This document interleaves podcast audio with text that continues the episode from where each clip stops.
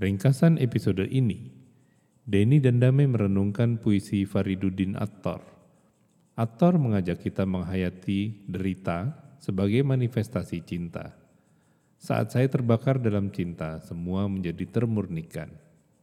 Dalam derita ini, satu demi satu tirai atau hijab batin itu dibuka, sampai akhirnya kita hayati, ke mana pun aku melihat, yang kulihat hanyalah wajah Tuhan yang kucintai. Dengarkan lengkapnya pada Dialog Suweng episode ini. Selamat datang di podcast Dialog Suwung ini bersama Pardamian Harahap dan saya Denny Turner. Kami berdua adalah sahabat spiritual yang berjalan bersama sejak tahun 2005. Suwung bermakna kosong, Sadar berketuhanan sering dimaknai dengan kata makrifat. Dialog spontan kami lakukan di tiap sesi dengan tema pokok puisi sakral berbagai tradisi.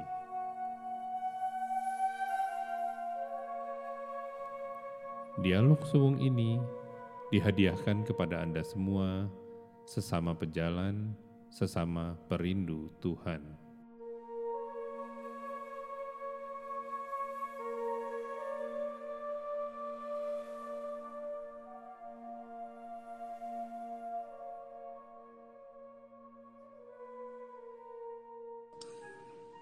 Assalamualaikum warahmatullahi wabarakatuh. Selamat datang para sahabat Suluk Suwung. Selamat datang di dialog Suwung kelima kita di Instagram Live bersama Bang Dame, sahabat saya, dan saya sendiri, Denny. Dalam konteks tasawuf itu, Suwung mengandung makna kosong, sadar berketuhanan, sering juga dimaknai dengan kata ma'rifat. Adapun kami sebut sesi ini sebagai dialog suwung karena di dalam dialog ini kami live secara spontan seperti jam session di musik jazz dengan tema pokok puisi sakral dari berbagai tradisi. Jadi harapan kami melalui dialog spontan ini kami juga bisa berkomunikasi dari hati ke hati dengan Anda semua di sini.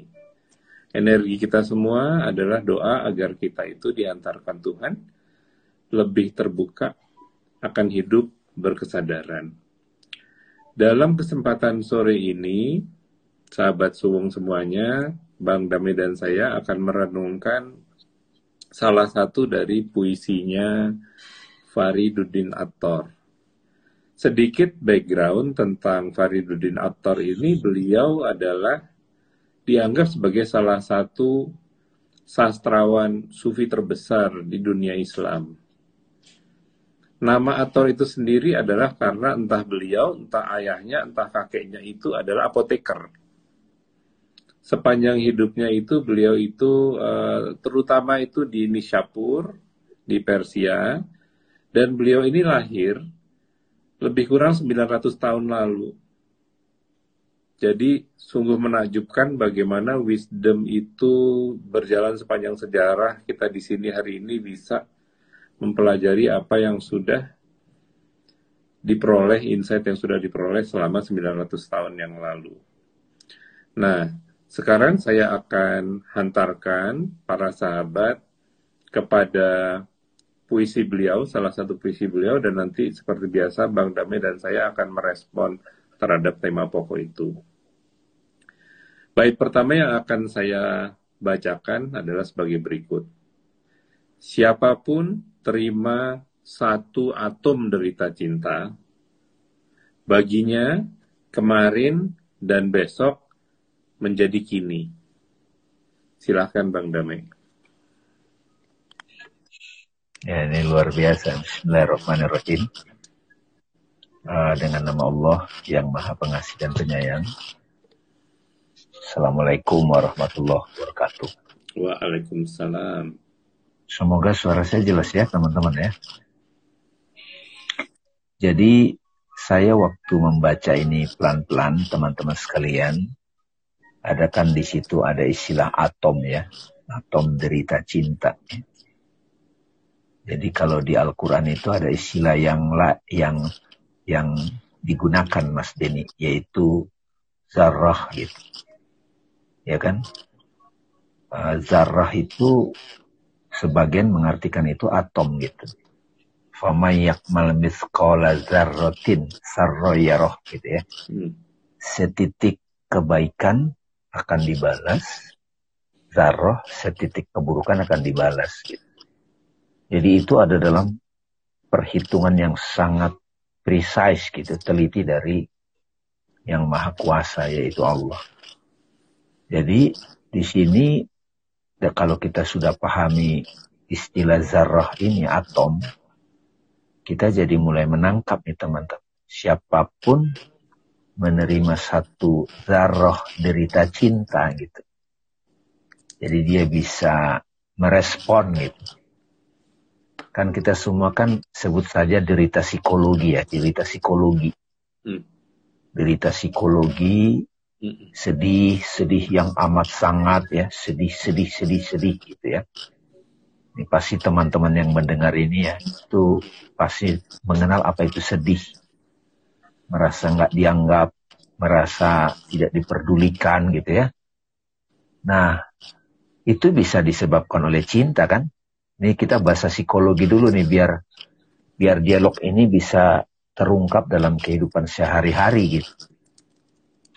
Jadi siapa pun yang merespon ya terima satu derita cinta maka itu menjadi sebuah ratapan kemarin dan besok itu semua itu tuh digulung dalam satu satu kenyataan sekarang gitu kekinian.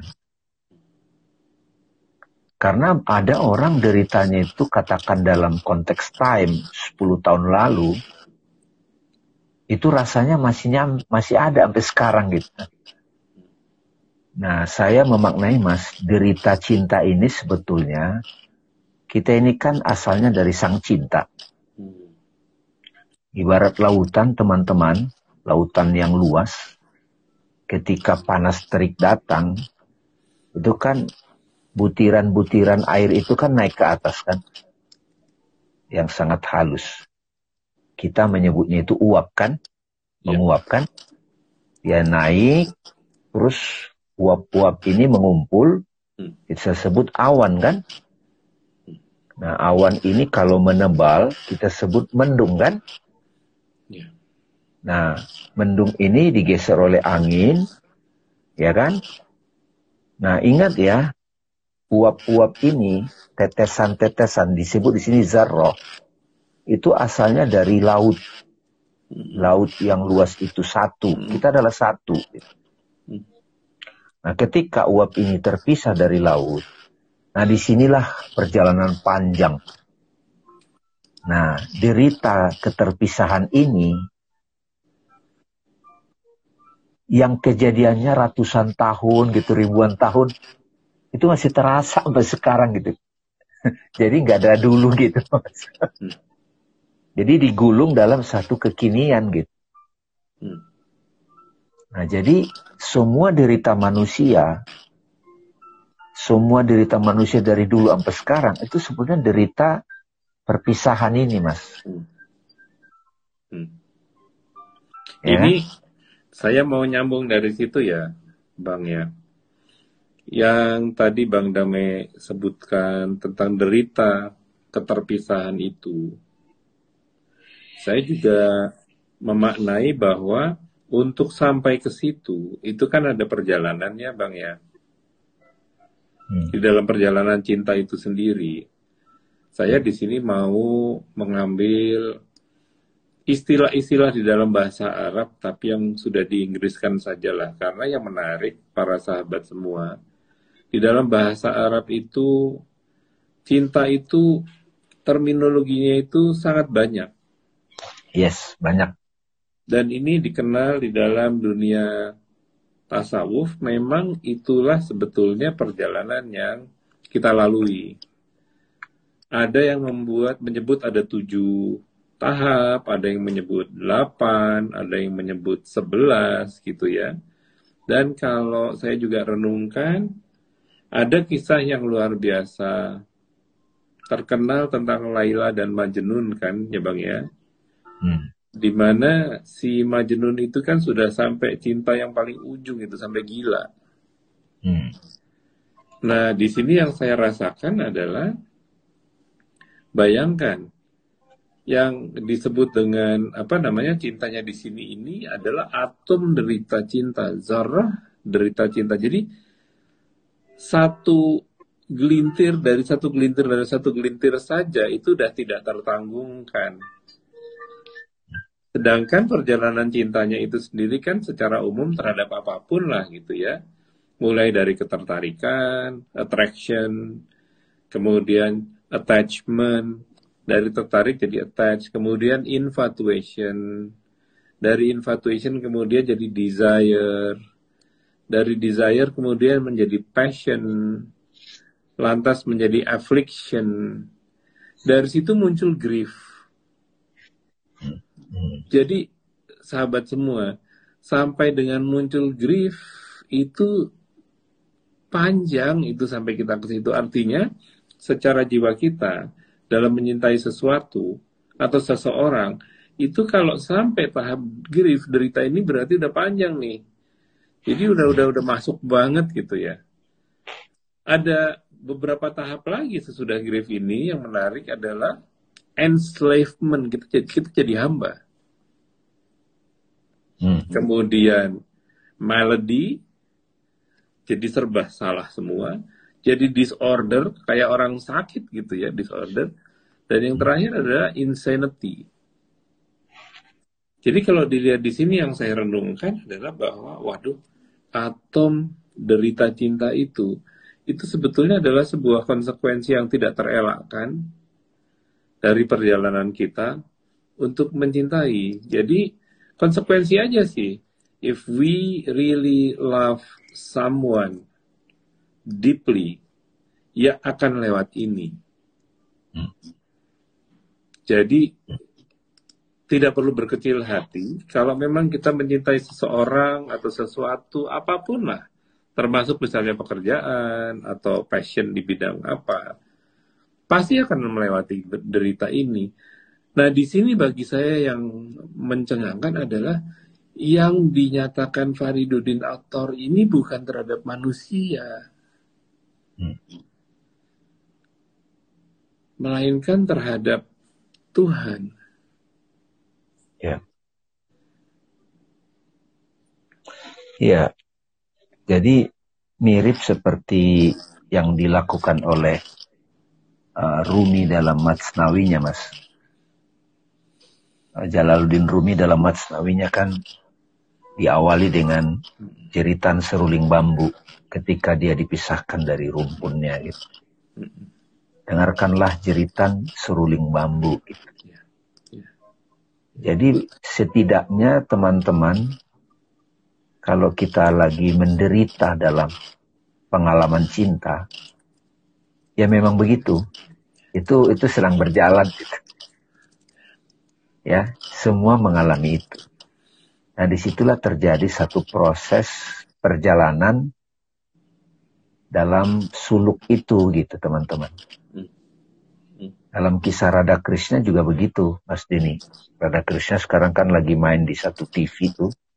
Kalau teman-teman nonton di host hot apa Hostar juga begitu di Disney. Gitu. Nah, tapi nah setidaknya itu teman-teman siapa pun di sini yang yang mengalami atom derita cinta itu itu sebetulnya bawaan dari cerita cerita old gitu loh, cerita masa lalu atau cerita kuno gitu loh. Jadi dalam konteks ini dari dulu sekarang sampai kapan pun kisah ini akan selalu ada gitu. Iya. Iya. Ini Saya juga- merasakan banget itu mas, merasakan banget. Ini kan yang penting pengalaman kita nih. Iya, benar. Jadi begitu kita mulai mengerti derita cinta ini, derita ini bukan lagi sebuah apa ya? Kita tidak tolak lagi, tapi kita tercerap di dalamnya gitu. Memang Iya. begitu ceritanya gitu. Iya. Nah, penolakan-penolakan dalam diri kita, denying itu, denial itu, Itu yang membuat kita jadi belajar sungguh-sungguh di situ. Oh, jernih gitu melihatnya. Jadi ini, ini baru bait pertama ya.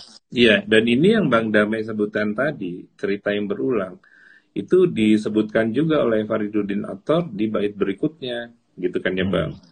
Hmm. Semua yang kita lihat sejatinya satu. Hmm. Bulan dan tahun semua hanya sehari. Ribuan abad telah kita lalui, namun derita kekal mendera dengan cara ini. Iya. Jadi teman-teman, ini ini kita lihat ya. Ketika saya baca kisahnya Laila Majnun dalam buku yang ditulis oleh buku Nijami kan, Yusuf Julaiha, Radha Krishna, kalau yang kontemporer Romeo Juliet gitu kan. Ada lagi yang baru West Side Story tahun 60-an gitu kan. Iya, betul. kita juga dengan cerita kita masing-masing dalam pengalaman berulang-ulang dalam konteks relationship. Nah, di sini kita mau diajak Faridudin Autar itu mau mengajak ini sebetulnya derita dari dulu gitu. Kisah yang sama gitu dengan banyak ekspresi, banyak kemasan gitu. Jadi semua yang kita lihat sejatinya satu. Jadi kalau kita sudah memahami ini dan mengkontemplasi ini, menyadarinya, maka ada sikap yang bijaksana dalam diri kita. Kita lewatin aja. gitu. Ini ada pertanyaan sekaligus saja kita respon ya Bang. Mengapa harus ada grief? Ah, ya, ya. Grief ini sebetulnya bentuk cinta yang seperti ini adalah cinta yang murni dalam pengertian begini, bukan lagi kalau di lagu-lagu kan banyak engkau milikku, you are mine. Ini justru kebalik. Aku ingin lebur. Hmm. Aku ingin lebur bersama sang tercinta. Namun aku tahu aku nggak bisa lebur karena secara esensi, secara zat saja kan kita beda. Jadi di dalam cinta ini ada kebutuhan untuk penyatuan, tapi untuk menyatu ini luar biasa sulit. Karena pada akhirnya penyatuan ini kan butuh betul-betul diri kita itu sirna. Jadi di sini ini griefnya itu lebih karena Manakala saya itu terbakar dalam cinta, itu semua keaduk-aduk jadi termurnikan dan yang terasa itu adalah penglihatan sejati saya itu mulai terungkap satu-satu. Ini sebetulnya adalah sebuah blessing derita ini, yaitu satu demi satu tirai atau hijab yang ada di mata batin kita itu dibuka, dibuka, dibuka. Sehingga yang beliau bilang, semua yang kita lihat sejatinya adalah satu. Ini kalau sehari-hari adalah ke mana pun aku melihat, yang aku lihat hanyalah wajah yang aku cintai. Gimana aja, kebayangnya cuma itu aja. Ada yang menarik gini Mas Denny, teman-teman ya. Grief ini kalau di bahasa Indonesia kan duka ya Mas ya. Mm. Duka mendalam ya, sedih mendalam ya. -mm. Coba kita teman-teman perhatikan ya, sedih yang amat sangat. Saya juga sering mengalami itu, kita semua pernah mengalami itu. Triggernya bisa apa pun. Nah ini dalam konteks ini sebenarnya perpisahan dengan sang cinta. Kalau kita terima sedih itu, pilu yang amat sangat itu, di situ nanti ada satu proses pelepasan dan juga pembebasan loh ya. Jadi ini sebetulnya makanya kita dialogkan ini. Kalau kita lagi sedih kan itu dibawa ke mana-mana kan sedih. Dan kita juga peka melihat orang yang sedih. Nah, ya saya ingin berbagi di sini teman-teman, Mas Denny, sedih nggak apa-apa, nggak usah ditolak. Duka yang amat sangat. Karena memang it, kayak kalau nonton teman-teman kisah Radha Krishna ya, itu tuh banyak banget tuh. Saya berkali-kali nonton itu nangis. Siapa bilang nggak nangis? Nangis banget mas. Padahal kita cuma nonton sebuah ya film yang dikemas dengan baik, tapi karena tahu juga kisah itu, itu itu nangis dan ini sebetulnya jeritan jiwa kita semua. Tapi di situ ada kelegaan, bersyukur. Ini sebagai hadiah aku melewati ini gitu. Aku mengalami ini, gitu. Kira-kira begitu. Dan ini yang nulis ini seorang seorang sufi besar Faridin Autar kan. Iya. Dan bukan sekedar sufi besar, sahabat suwo, Rumi pun itu taklid ke beliau. Jadi pengalaman spiritualnya Atar ini menjadi sandaran Rumi juga. Sementara kita semua ini banyak kan yang makmum ke Rumi gitu. Lah ini Rumi makmum ke beliau. Itu yang membuat saya juga jadi cari ini apa. Dan yang tadi Bang Dame itu sebutkan saya juga merenungkan dari situ bang barusan ya bahwa memang harus lewat ini. Ini kalau teman-teman lihat di Instagram Suluk Suwung di gambar pertama dari puisi ini itu ada api yang dingin, ada api yang membara. Derita kita yang putih ini itu bersih di dalam yang membara ini. Dan yeah, di white fire, berikut, white fire, iya, white, white fire. fire api White putih. fire itu habis di dalam apinya. Nah, di sini juga Atar ini menjelaskan di bait berikutnya yang yang tadi nyambung dengan yang Bang Damai sebutkan. Siapa berangkat mencari sahabat harus terbakar api ini dan menanti. Namun tiap hari ia terbakar, tiap hari ia rayakan. Satu atom saja derita ini sengat lezatnya utuh merasuki dalamnya semua perkara. Ini sangat lezat ya, Mas Denny mengartikan sengatnya itu lezat dan sengatnya ini tidak hanya lezat para sahabat semua, semua urusan kita itu dimasukin utuh, somat,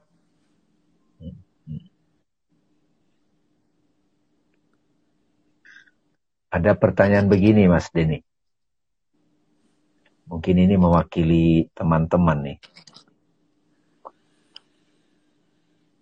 Dilemanya kan, dilema itu kan dua sisi ya. Satu iya. sisi dia ada satu keberkahan, sisi yang lain dia adalah sesuatu yang kita hindari. Iya. Jatuh cinta itu kan nikmat teman-teman. Indah. Tapi dia dilematis, dia membawa penderitaan. Nah, sebenarnya pada waktu kita mengalami jatuh cinta, apa pun objeknya, kalau dalam hal ini kan orang jatuh cinta pada sosok. Apakah itu jadi pasangan, jadi pernikahan, seorang guru, seorang sahabat, seorang yang dikagumi gitu kita menyaksikan sosok itu pun kita bahagia gitu, terbakar gitu. Bahkan mengingatnya pun kita terbakar dan enjoy, excited. Tapi pada saat kita ingin obsesif hanya pada diri kita, dia harus begitu. Kalau dalam cerita Radha Krishna, Rukmani sama Krishna, Mas. Kalau Radha dia udah lewat gitu. Awalnya Radha juga begitu. Krishna harus sama aku terus. Gitu. Nah, begitu kita sudah bisa melampaui itu, di situlah kita paham lezatnya sengatan cinta itu. Dia bikin hidup gitu. Jadi karena gini Mas Denny, ini saya bawa langsung dalam konteks sekarang ya, pengalaman. Ada orang jadi takut jatuh cinta loh Mas. Karena dia lebih memperhatikan dilema sisi yang deritanya. Padahal Atar bilang, itu lezat katanya gitu. Hmm. Mm-mm. Makanya ini dilema memang. Jadi silakan teman-teman dikontemplasi. Siapa pun yang sedang jatuh cinta, apa pun objek, kalau lagi menderita, karena ada teman-teman di sini saya lihat yang suka cerita ke saya menderita dengan cinta. Kalau sudah dengar ini mestinya dapat Liberated sisi malah. liberated malah, Hmm. bersyukur malah, Mm-mm. Mm-mm. bersyukur Dan- malah. Ini bang yang yang yang saya mau perdalam ya bang ya. Sebetulnya cinta ini dilematis manakala kita masih berpegang pada ego kita. Hmm. Aku harus bisa sama dia terus. Aku harus punya waktu sama dia. Aduh, dia harus menjadi milikku. Nah, di sini saya maknai sebetulnya harus terbakar api dan menanti ini. Ini dalam sekali, teman-teman. Karena apa? Pada saat kita di tengah penderitaan tersebut, sampai nggak bisa ngapa-ngapain. Akhirnya kita jadi mengobserv diri sendiri. Dan pada saat mengobserv diri sendiri inilah, diri sejati kita akan tampil. Oh, Denny lagi menderita ya. Oh, Denny lagi sedih ya. Oh, Denny lagi kasparan habis-habisan. Mendadak yang aku sebagai aktor ini jadi lepas. Sekarang aku sejatinya ingat, oh Denny lagi begini. Dan di situlah di selebrasinya itu di situ. Saya pada saat itu sebagai diri sejati dan bukan sebagai diri, sebagai penonton dan bukan sebagai observer, itu melihat bahwa this is so beautiful. Maka setiap hari dirayakan. Tidak lagi jadi ketakutan. Tidak lagi jadi momok. Tidak lagi saya hindari. Ya udah, if I really have to fall into this, I fall into this. Dengan kesadaran yang berbeda, para sahabat semua. Yes. Pas pa, paragraf berikutnya nyambung tuh Mas, Mas Denny. Silakan. Saya sambung Derita ya. ini, iya silakan Mas. Derita ini tak lain dan tak bukan. Penyulut bara api cinta. Ya. Inilah derita sang rahasia, pewarta alasan untuk hidup dan mencinta. Ya. Ya. Jadi derita ini, derita yang kita rasakan, kita alami ini, itulah sebetulnya penyulut gitu loh, pemantik bara api cinta itu. Begitulah rahasianya teman-teman. Jadi justru pada waktu kita menderita dalam cinta itu, terus jalan terus, di situ nanti kita akan tahu cerita cinta itu derita itulah sebetulnya penyulutnya. Ya, bagi kita yang dengerin ini sedang dalam perjalanan dan derita yang kita alami ini juga derita dari pecinta-pecinta dari dahulu sampai sekarang dan akan datang. Nanti akan datang ada cerita-cerita juga buat generasi kita katakan begitu sama juga Makanya puisi-puisi seperti ini jadi abadi, perennial. Nah, jadi pada saat derita datang, ya diakui ini memang sakit, perih. Tapi itulah penyulut bara. Inilah sebetulnya Hmm. hadiah sebetulnya ini hadiah. Hmm. Mereka yang sudah melewati itu akan bisa berbicara begitu. Itu hadiah. Tapi kalau lagi berada di situ memang saya paham itu, saya paham. Betul, betul. Dan sering kali para sahabat semua, proses deritanya ini soalnya nggak sebentar. Tergantung kitanya gitu. Iya. Bisa sebentar, bisa tahunan, tergantung bagaimana kita menyikapinya. Bisa berapa kali kehidupan ya? Iya. Termasuk apakah saya itu pemilih untuk berhenti istirahat di terminal derita itu atau kita mau lanjut ke stasiun cintanya. Karena memang hakikat perjalanan cinta itu sudah pasti akan kena seperti ini. Yang saya bisa sharing dari pengalaman hidup saya adalah sama seperti hal-hal lain. Misalnya kita takut dengan public speaking. Ya obatnya public speaking. Kita menderita karena cinta, obatnya apa? Ya mencinta. Yes.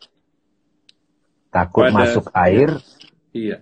Nyebur. Takut berenang, nyemplung.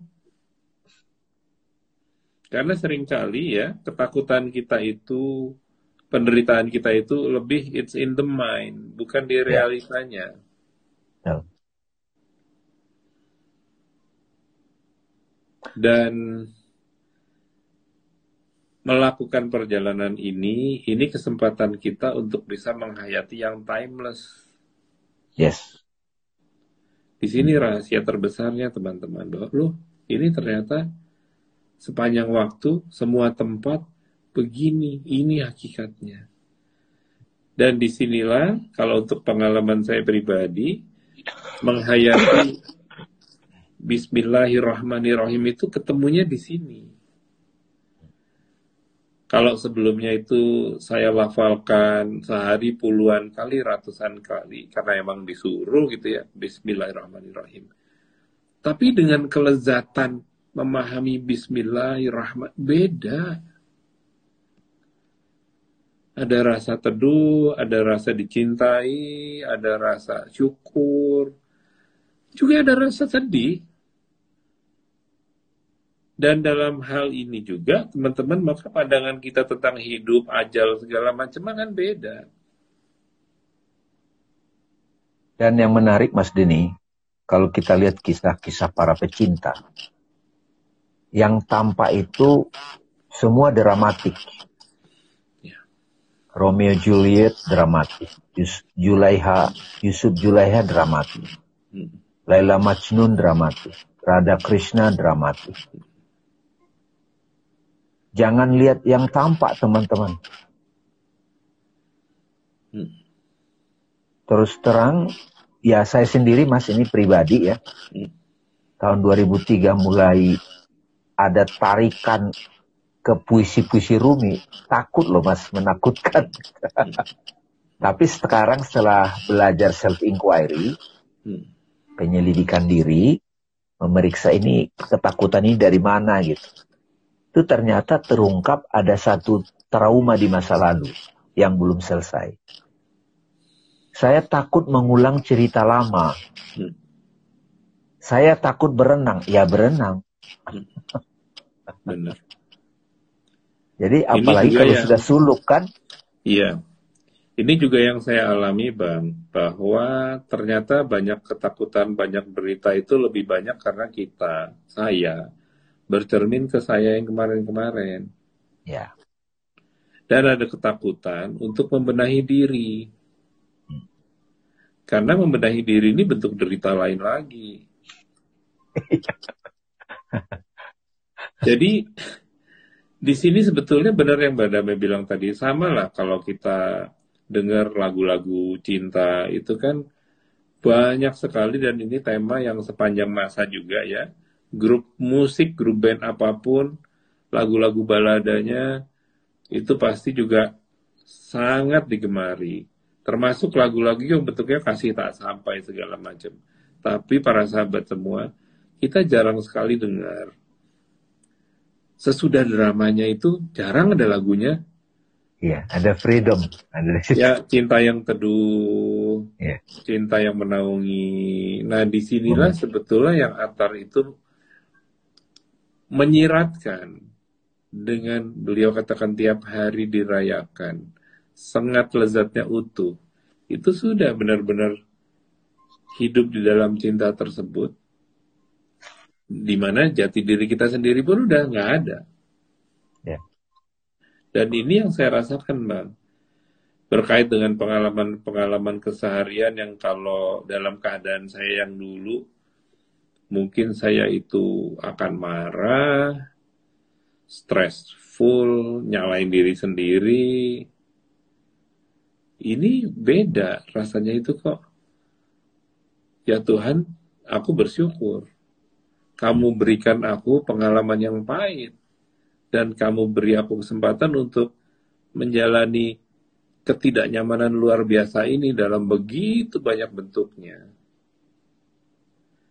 Kalau misalnya kita punya orang-orang terdekat, lalu orang-orang terdekat kita ini nggak percaya sama kita, itu kan derita ya.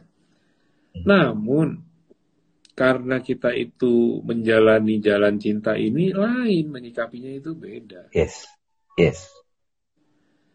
Jadi yang Bang Dame ngomong ke saya dalam percakapan pribadi, bagaimana derita ini kemudian mengantarkan kita menuju moksa. Ya.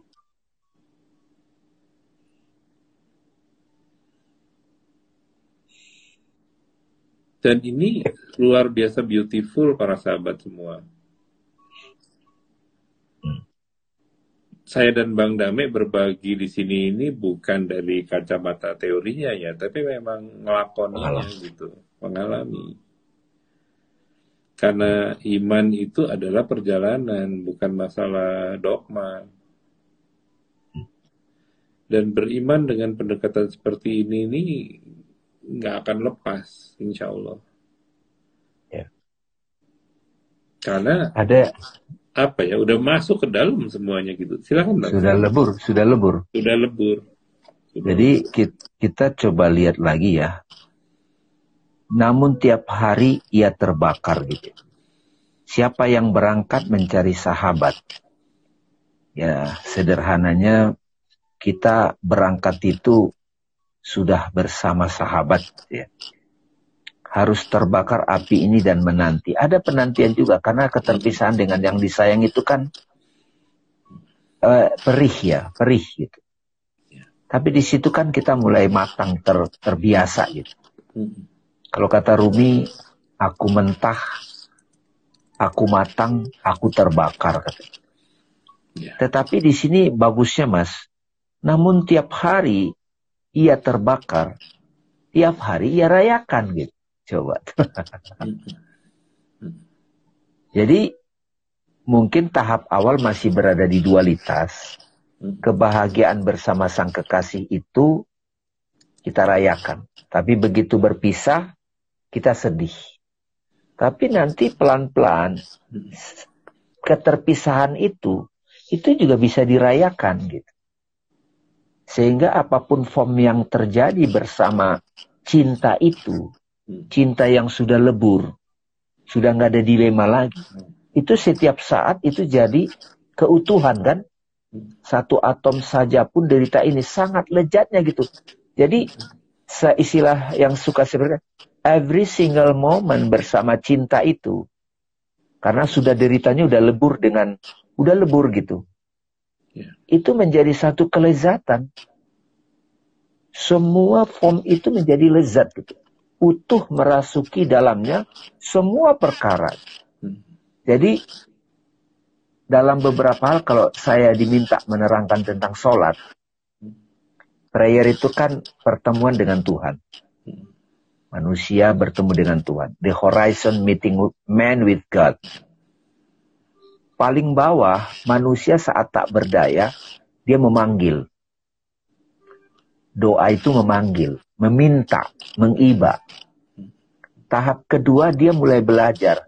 Saya tidak minta juga dikasih kok gitu. Akhirnya mulai prayer itu jadi bersyukur. Persembahan gitu. Jadi tidak ada lagi keterpaksaan untuk melayani gitu. Ya kan? Melayani bersyukur itu prayer teman-teman. Hmm. Itu itu canonical prayer. Bentuknya itu ritual sholat. Nah, yang ketiga adalah intellectual prayer, jadi dialog gitu. Jadi segala sesuatu yang terjadi itu bukan lagi dilihat sebagai enak nggak enak, tapi ini dialog dengan Tuhan. Gitu. Hikmah, wisdom, apa pun gitu. Jadi kadang saya suka ditanya, Bang Tami masih ada problem nggak? Ya saya bercanda. Ya kalau maksudnya sakit pinggang, pegal-pegal kadang ada gitu. Tapi kalau fenomena masyarakat ini Yaitu semua adalah dialog dengan Tuhan. Semua fenomena itu menjadi sebuah perayaan. Ini nyambung Apa pun. nih, Bang. Uh, Saya turun sedikit boleh nggak Mas? silakan, silakan, silakan, silakan. Nah, setelah kita mulai bisa dialog dengan Tuhan dalam every single moment, baru kita mulai lebur di dalam cinta itu. Itu disebut heart prayer. Prayer itu bukan lagi dualitas, tetapi prayernya pecinta gitu. Makanya pengalaman mencintai itu, setiap momen itu menjadi satu ibadah, satu zikir gitu. Kan luar biasa. Tidak ada lagi penolakan dari apa pun yang dihadirkan kehidupan gitu. Nah Itu, ini Mas. yang ini yang saya mau sambut. Kalau dulu saya itu masih sering berpikir, ini ujian apa lagi sih yang dikasih? Iya, betul. Kok ujiannya nggak selesai-selesai? Iya, betul. Perasaan saya ini udah ibadah, Merenung. Iya, iya. perasaan saya sudah introspeksi. Kok ada lagi ujiannya? Iya, betul. Nah, sementara di apa namanya yang disebutkan Atar ini satu atom saja pun derita ini sangat lezatnya utuh merasuki dalamnya semua perkara. Ya. Ini tauhid. Dan ini saja itu membantu kita untuk sampai kepada terminal akhir yang Bang Damai bilang itu. Udah nggak pilih-pilih lagi mau dikasih susah, mau dikasih senang, mau dikasih suka, dikasih duka, lezat semua. Jadi, kalau tadi ada yang tanya Bang Damai, problemnya apa? Problem apa? Karena saya juga ngerasain gitu. Yes, yes. Problem apa? Bahkan saya kena stroke kemarin itu, saya nggak ngeliat itu sebagai problem. Alhamdulillah. Semua event, semua peristiwa, semua kejadian, instances, kita terimanya lezat aja. Jadi, para sahabat semua di balik derita yang seolah-olah bertubi-tubi ini, itu bisa kita maknai sebagai itu rahmat yang bertubi-tubi sebetulnya. Yes, betul. Hanya saja karena kebanyakan kita itu dibesarkan dengan konsep agama yang penuh dengan amar. Nggak boleh, takut. Saya waktu ingat waktu saya SD itu buku tentang surga neraka itu bukanya udah takut banget lihat komiknya gitu. Jadi we need to rewire ourselves untuk bisa menghayati presence-nya Tuhan itu dengan sangat berbeda. Dan wisdom dari 900 tahun ini begitu indahnya. Kenapa saya dan Bang Dame itu senang untuk merenungkan yang sampai panjang seperti itu. Zaman di mana belum ada sosial media, belum ada tuntutan macam-macam, orang itu masih melihat segala sesuatunya itu lebih apa adanya. Itu membantu sekali. Kalau sekarang ini ya, kita kerja aja. Itu kan sudah kerja keras bagi kuda gitu kan ya kita bisa melihatnya beda kok teman-teman dan di sinilah sebetulnya nah, kalau saya hayati begini ya kita semua insya Allah pasti mencinta kita semua insya Allah pasti mendapatkan derita cinta itu dan di sini juga kita semua insya Allah pasti mendapatkan pintu-pintu yang otentik buat diri kita masing-masing that is what is so beautiful about derita cinta ini. Ini jalan yang sangat individual, yang Tuhan itu kasih custom khusus banget cuman buat kita masing-masing. Hmm. Jadi Ini luar. Hmm. silakan silakan bang, monggo. Ini seperti biasa mas kita dialog ini kan tidak tidak apa ya kita tidak setting harus gini harus gitu enggak terus terang mas ini dari dialog ini ya sahabat sekalian ini indah sekali kalau kita sudah sebetulnya bukan kalau sih adanya kita itu emang itu kok kita cuman lupa gitu Exactly. hidup ini hadiah hadiah kita dihadirkan untuk memainkan peran dalam kehidupan ini apa pun, itu sebuah kehormatan. Kita menjadi, kita dipilih Tuhan, katakan bahasanya begitu. Kayak ada sutradara bagus. Kita dikasih, kita dikasih peran, mas. Dikasih peran di situ katakanlah menjadi seorang pelayan gitu loh, sebagai seorang babu gitu loh, yang dimaki-maki dalam cerita itu. Tapi kita tahu itu peran dari sutradara yang sangat terhormat gitu. ya, jadi perjalan salah satu bagian dari makna suluk adalah menyadari peran kita. Di situ ada proses penerimaan, ada satu penerimaan yang total gitu. Dan ini sangat penting untuk era sekarang juga, Mas. Meskipun dari dulu ini sudah sudah menjadi fondasi ya. Zaman sekarang kan orang sangat cepat untuk menjadi yang bukan diri yang asli. Sehari dia bisa bisa nampilin topeng tertentu gitu. Topeng ini, topeng itu. Tapi begitu perjalanan kita sudah menemukan paket skenario kita dengan segala paket relationshipnya loh ya. Oh, itu sebuah ke jadi setiap momen itu menjadi indah.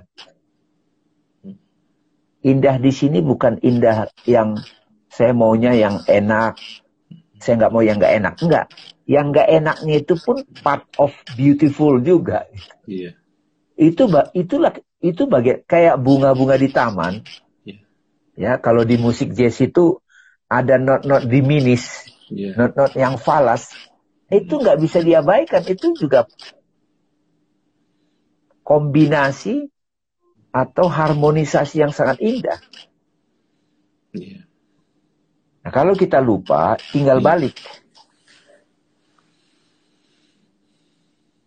Dan ini saya jadi merenungkan Dulu itu saya pernah tanya ke guru saya, Kiai, pekerjaan yang halal itu yang bagaimana ya? Terus beliau jawabnya gini, coba kamu renungkan, setiap tempat yang kamu jalani itu anugerah dari Tuhan. Bagaimana kamu meresponnya? Ini yang artinya tadi Bang Damai bilang dalam keadaan apa pun, situasi apa pun, it's how we respond. Dan kalau saya temukan, derita cinta ini membuat kita akan merespon secara paling jujur. Ya. Termasuk kalau ya Tuhan saya udah nggak sanggup, itu ya. jujur. Ya. Ya, betul. Yes.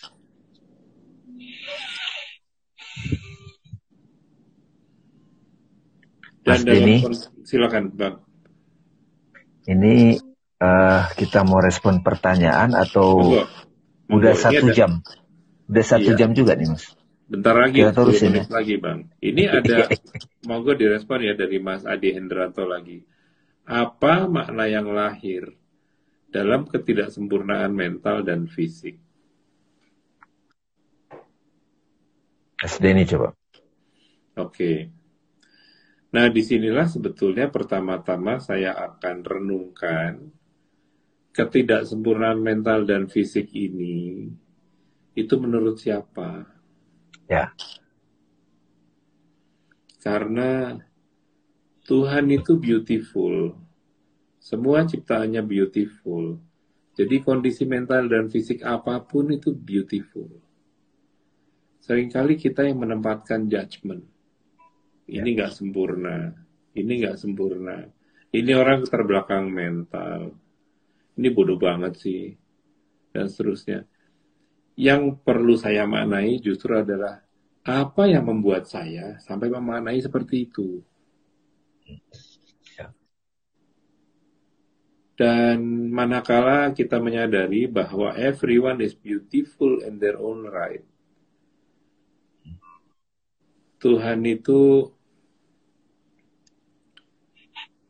memberikan kita kesempatan untuk menghayati keragaman itu, maka sudut pandang kita akan berbeda. Ya. Akar dari perspektif ini umumnya adalah karena merasa saya lebih titik-titik daripada orang lain. Nah inilah justru melalui perjalanan cinta, ini pelan-pelan para sahabat semua akan hilang. Rasa lebih, rasa sempurna hilang. Hmm. Karena yang kemudian kita pahami adalah setiap jiwa itu punya kesempatan yang sama. Untuk bisa mengalami ini semua. Hmm. Jadi bagi saya pribadi yang lebih relevan adalah bagaimana sih saya memaknai perjalanan ini dan bagaimana saya melihat semua orang dengan penuh kasih sebagai akibat dari menghayati kasih Tuhan itu. Mohon maaf, Pas, mungkin saya nggak menjawab direct ya. Yang saya respon adalah apa yang perjalanan saya sendiri gitu. Karena begitu kita menjalani perjalanan cinta, hal-hal yang kategorikal itu jadi nggak penting lagi. Iya, Aristotelian yeah. logic lah, secara apa namanya nomenklatur, Mendel segala macam, bukan itu semua. Menghayati cinta Tuhan ini bagaimana saya bisa menghidupinya dalam keseharian, itu yang justru menjadi lebih utama dalam perjalanan kita. Dan ini painful ya, karena sekeliling kita nggak begitu gitu. Jadi mungkin malah kita dianggap orang gila gitu. Tapi pertanyaan Pak Adi itu memang mewakili masyarakat kebanyakan itu, memang. Sering saya menggunakan bahasa ini yang sebetulnya kita udah sering lakukan, Mas, yaitu setiap jiwa itu otentik, setiap jiwa itu unik. Apa pun ini ya, kalau dia misalnya lahir sebagai wajah nekro, itu unik dan otentik wajah sipit misalnya, wajah India gitu. Ya kalau kita mau kasih penamaan ya, ada yang tinggi, ada yang pendek gitu kan. Sama seperti misalnya ya kijang ya kijang, harimau ya harimau, ular ya ular. Burung pipit ya burung pipit gitu. Nah memang dilema manusia adalah ada potensi diri dia, potensi ya. Dia, dia bisa menjadi apa pun. Karena kalau dalam kitab suci manusia adalah puncak ciptaan. Iya. Nah, godaannya dia itu kok dia begitu lebih bagus, kok aku enggak ya. Nah, ini sebenarnya yang diselidiki dialog batin ini. Dialog batin ini datang dari personality, ya kelihatannya logik gitu ya. Kompetisi itu kan kelihatannya logik, kalah menang gitu. Tapi kalau kita sudah masuk kepada unity, sudah berbeda. Saya sendiri teman-teman sudah tidak lagi masuk ke framework kompetisi, ya nggak mas? Yes. Karena ya kelihatannya itu logik, padahal enggak sih. Kalaupun saya membandingkan, saya bandingkan diri saya dengan diri saya kemarin. Itu dalam rangka introspeksi, dalam rangka bersyukur juga. Gitu. Nah ini ini sangat powerful loh ini cara pandang ini sehingga kita nggak ada lagi dengki, iri, serakah karena saya sudah on the track gitu loh. Gitu Mas, silakan. Dan ini yang di dalam puisi tersebut Fariduddin Attor itu menuliskan dengan gamblang gitu. Semua yang kita lihat sejatinya satu dengan S besar lagi. Iya, betul. Semua yang kita lihat itu Allah jadi artinya perjalanan ini para sahabat semua adalah untuk menuju infinite consciousness. Ya. Kita semakin menghayati bahwa kita adalah bagian tidak terpisahkan dari satu kesadaran besar. Kesadaran yang tunggal at the same time. Kesadaran tunggal. Dan it's okay, kita jadi part dari itu juga oke. Okay. Part yang seperti apa, nggak penting lagi. Aku jadi part itu. Ini Bang, karena ini waktunya sudah mau berakhir, saya mau izin Bang Damai bisa menyampaikan sepatah dua patah untuk menutup sesi hari ini Bang.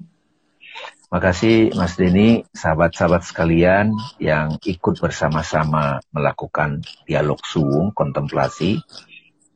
Saya ingin meninggalkan satu apa kalimat yang sederhana ke teman-teman. Bila kita berada di dalam jalan cinta saat ini dan sedang mengalami derita, bersyukurlah itu sebuah hadiah dari Allah. Saya juga mengalami itu teman-teman. Cuma bedanya sekarang, saya sudah rangkul derita itu.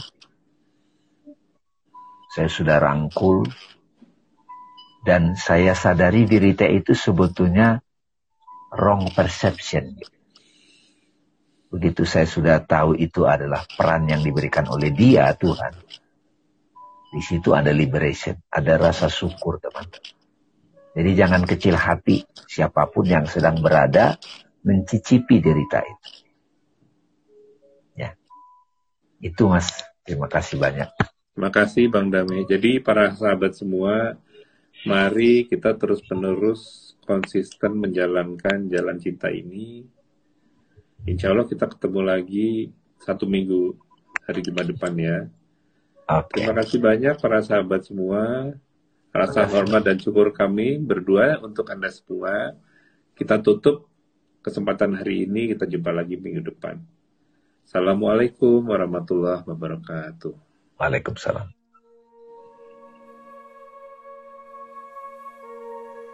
Kami undur diri. Semoga dialog suung episode ini tersampaikan dengan baik dan menjadi kebaikan.